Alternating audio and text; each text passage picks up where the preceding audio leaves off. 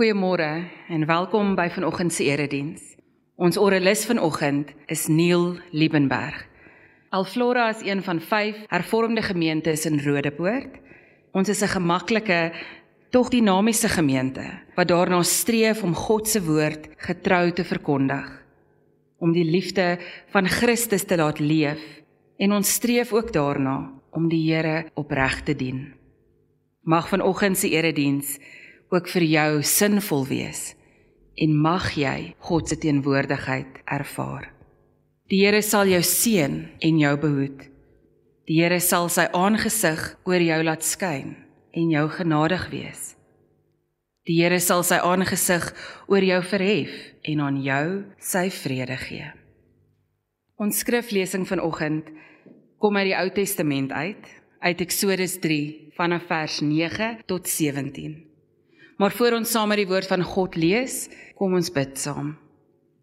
Here ons almagtige God, Vader, Seun en Heilige Gees.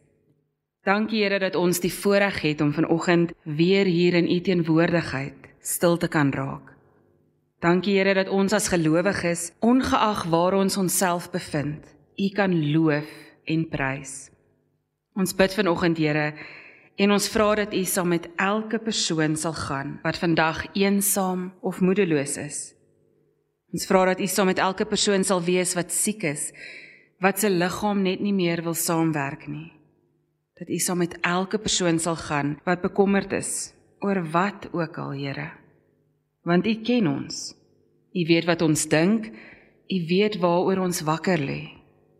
U weet ook waarvoor ons dankbaar is. En daarom bid ons vanoggend en ons vra dat U ons harte sal rustig maak. Waar ons nou na U woord gaan luister, dat ons sal konsentreer op die boodskap en net vir 'n oomblik sal vergeet van alles wat ons gedagtes tog so besig hou. Ons vra dat U asseblief U woord, die woord wat ons lees en hoor, vir ons verstaanbaar sal maak. Dat U dit vir ons sal oopbreek sodat ons dit in ons harte kan dra en ook in die wêreld daar buite kan uitleef want soos 'n wildspok smag na water, Here, so smag ons na U. Amen.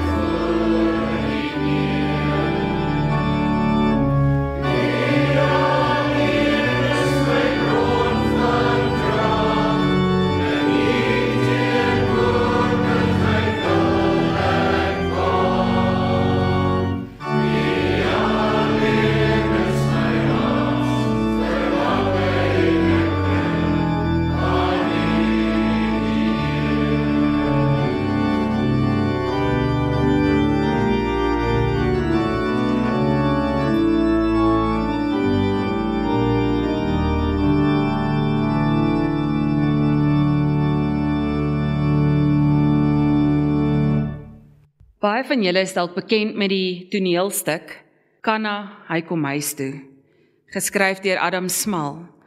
Maar net 'n bietjie vir agtergrond vir die van julle wat dalk nie hierdie toneelstuk ken nie. In hierdie drama ontmoet ons 'n hoofkarakter met die naam Kanna en hy is die aanneemkind van Makit. Nou Makit hulle voer 'n eenvoudige bestaan En hierdie toneelstuk is geskryf omtrent in die 1960s. So dit vind plaas in die apartheidsera van Suid-Afrika.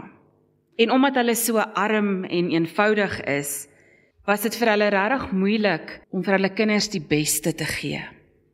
Maar hulle het vroeg in hulle lewe reeds Kanna se potensiaal raak gesien.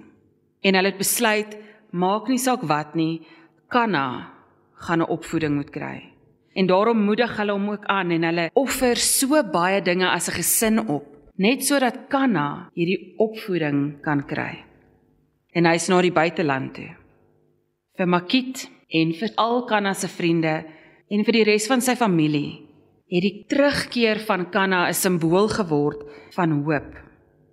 Hulle het geweet dat as Kanna net van die buiteland af kan terugkom, dan sal dit beter met hulle familie kan gaan. As Kanna net sal terugkeer. As Kanna net kom kuier, dan sal dit emosioneel, finansiëel, ag en sommer oor die algemeen met hulle almal beter gaan. Nou die hele drama, hierdie hele toneelstuk wentel rondom hierdie afwagting van hierdie ma, Makit, dat haar kind Kanna eendag weer sal huis toe kom. Almal sê vir haar hy gaan nie terugkom nie en sy bly glo. Kanna hy gaan huis toe kom. Hy sal nie van hulle vergeet nie. Maar Kanna bly voortdurend verskoningsuiting oor hoekom hy nie nou kan en eintlik wil huis toe kom nie. Sy lewe in die buiteland is baie anders as by die huis en Kanna wil nie terugkom nie. Sy familie het hom nodig. Hulle kry swaar, maar Kanna dink verskonings uit. Hulle wag vir hom.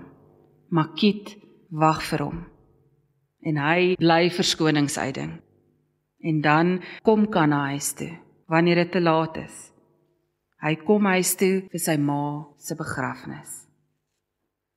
Regdeur hierdie drama word Kanna met al sy verskonings vergelyk met Moses. Moses wat ook een na die ander verskoning uitgedink het. Verskonings om nie te doen wat van hulle gevra word nie. En dit bring ons dan nou vir oggend geliefdes by ons teksgedeelte. Soos ek voorheen genoem het, lees ons saam uit die Ou Testament uit. Ons lees uit Eksodus 3 vanaf vers 9 tot vers 17. Die noodkrete van die Israeliete het my bereik en ek het ook aanskou hoe Egipte hulle verdruk. Daarom stuur ek jou na die Farao toe sodat jy my volk die Israeliete uit Egipte kan bevry. Toe sê Moses vir God: Wie is ek dat ek dit by die Farao sou waag en dat ek die Israeliete uit Egipte sou bevry? God het Moses geantwoord: Ek sal by jou wees en die bewys dat ek jou gestuur het, sal dit wees. Wanneer jy die volk uit Egipte bevry het, sal jy my by hierdie berg aanbid. Daarna sê Moses vir God: Sê nou maar ek kom by die Israeliete en ek sê vir hulle die God van julle voorvaders het my na julle toe gestuur. En hulle vra vir my, wat is sy naam? Wat moet ek dan vir hulle sê? Toe sê God vir Moses, ek is wat ek is. Jy moet vir die Israeliete sê ek is het my na julle toe gestuur. Verder sê God vir Moses, jy moet ook nog vir die Israeliete sê die Here, die God van julle voorvaders, die God van Abraham, die God van Isak, die God van Jakob het my na julle toe gestuur. Dit is ewig my naam. Dit is die naam waarmee ek aangeroep moet word van geslag tot geslag. Gaan roep nou die leiers van Israel bymekaar en sê vir hulle: Die Here, die God van julle voorvaders, die God van Abraham, Isak en Jakob, het aan my verskyn en gesê: Ek weet van julle en ek weet ook wat julle aangedoen word in Egipte. Ek het besluit om julle te laat wegtrek uit die ellende van Egipte na die land van die Kanaaniete, Hetiete, Amoriete, Feresiete, Jewiete en Jebusiete na 'n land wat oorloop van melk en honing. Geliefdes, wanneer ons na hierdie gedeelte kyk, dan ontmoet ons vir Moses waar hy om ongeveer 80 jaar oud is. Moses wat as 'n klein seentjie in Egipte groot geword het, in die farao se huis. Moses wat dan op 'n latere stadium so kwaad geword het vir die feit dat die Israeliete so onderdruk word. Ons ontmoet Moses wat 'n Egiptenaar doodgeslaan het en wat dan uit Egipte moes wegvlug en wat 'n nuwe bestaan moes begin. Ons ontmoet hier vir Moses waar hy 'n nederige bestaan voer waar hy intussen getrou het en nou 'n skaapwagter is vir sy skoonpa se vee. Ons ontmoet Moses wat ongeveer 40 jaar gelede in Egipte was. En dis hier ook waar God dan in net in die voorafgaande gedeelte Moses ontmoet deur 'n brandende bos. Moses wat oorwou begin. Moses wat 'n geskiedenis het Moses wat mens is, word deur God ontmoet. En terwyl God in hierdie brandende bos aan Moses verskyn, roep God vir Moses om die volk uit Egipte uit te lei. Nou ons ken Moses en ons weet hy's 'n man van God, so ons verwag eintlik dat Moses moet sê, "Dis reg, Here, wanneer en waar?" Maar as ons na hierdie gedeelte kyk, dan sien ons dat Moses nie minder as 5 verskonings uitdink.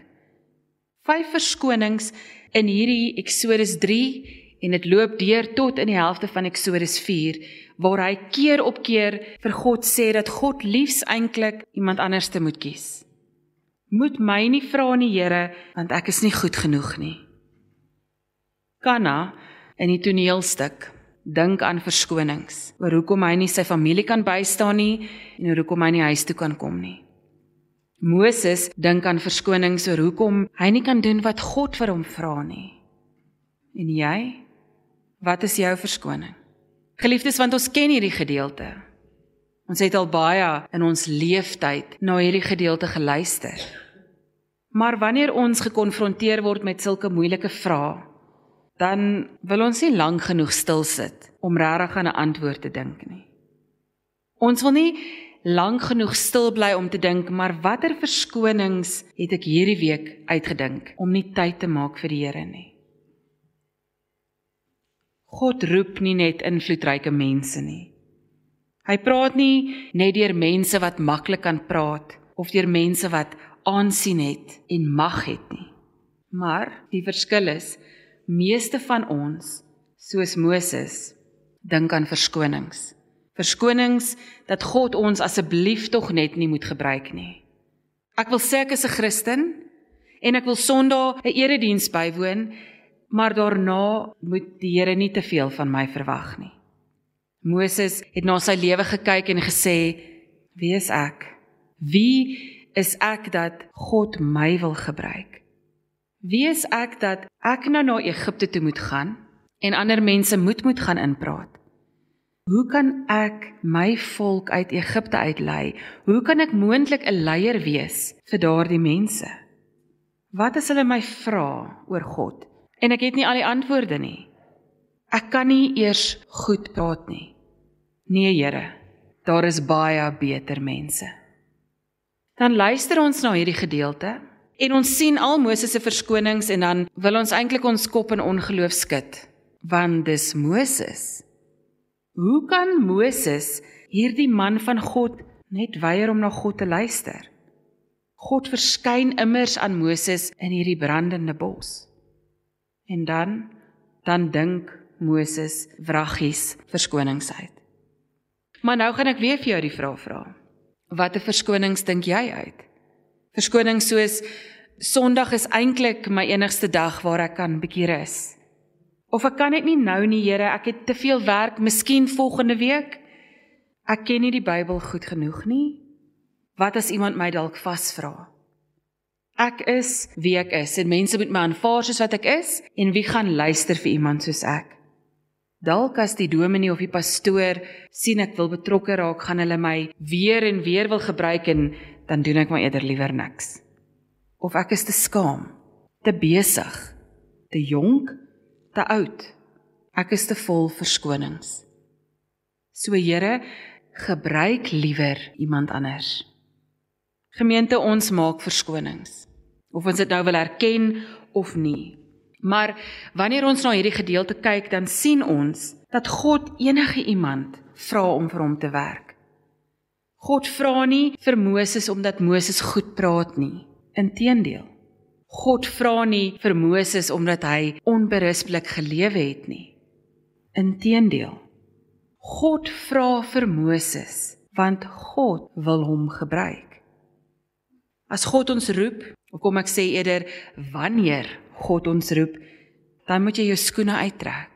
Toe Moses daar by hierdie brandende bos gestaan het en God ontmoet het, het God vir hom gesê: "Trek jou skoene uit want jy staan op heilige grond."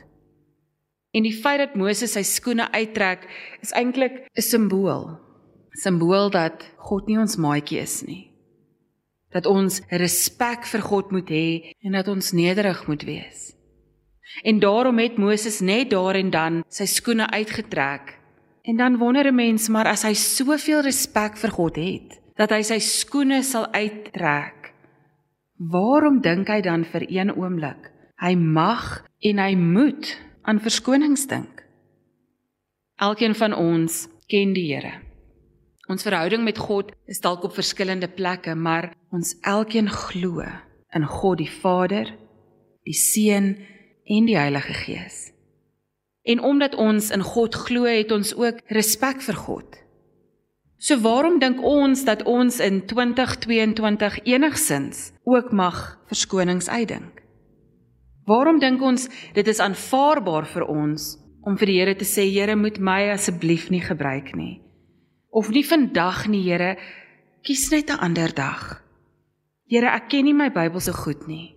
God roep jou nie oor jou kennis nie. God roep jou nie oor jou aansien of jou ouderdom nie. God roep jou omdat hy 'n plan het met jou. Omdat hy jou wil gebruik. En as ons dan kyk hoe God keer op keer vir Moses antwoord. Elke keer as Moses met 'n verskoning kom, dan het die Here 'n antwoord vir hom. As Moses sê: "Maar Here, wie is ek?" dan sê die Here vir hom: "Jy gaan nie as Moses nie. Jy gaan as my verteenwoordiger."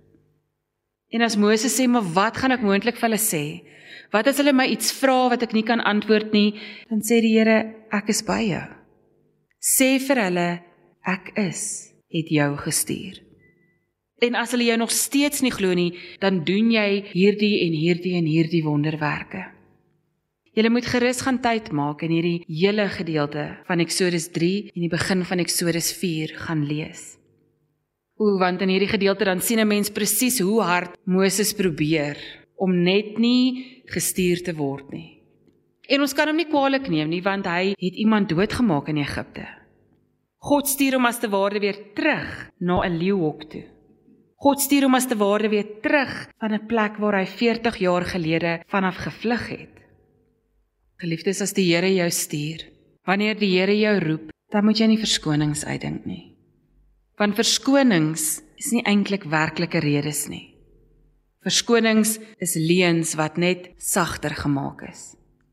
Want as jy week na week, dag na dag bely dat God jou God is, dat God almagtig is, dat dit ons nie nodig om iets te vrees nie want God gebruik jou net soos jy is daar waar jy is.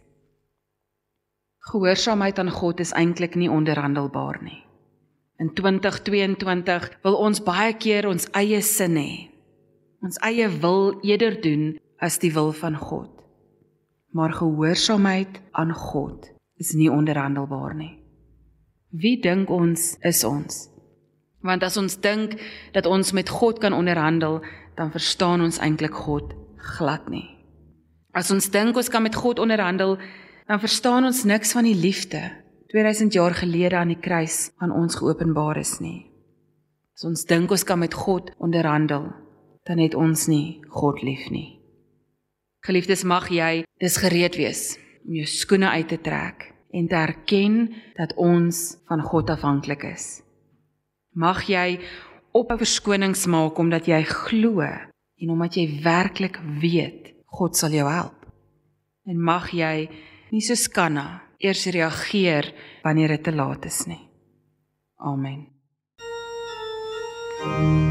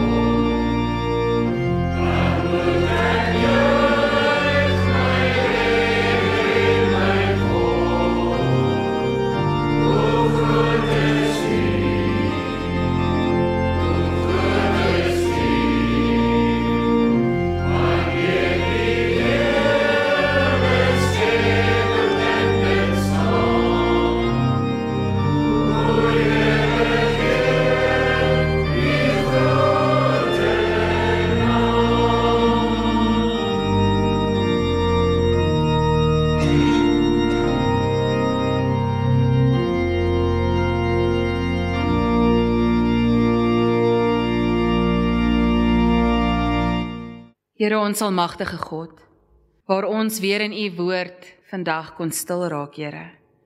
Waar ons weer kon raak lees hoe lief u ons het. Wil ons vir u dankie sê.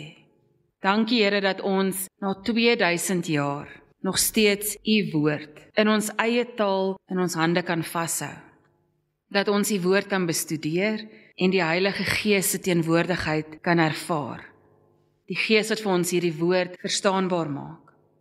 Here en dan wil ons ook vir U dankie sê dat ons vandag net weer kon kyk na Moses en kan besef dat hy ook net mens was. Brose mens met 'n verlede. 'n Man wat ook maar verskonings uitgedink het, soos wat ons baie keer doen. Maar dankie Here dat U nie opgegee het met hom nie.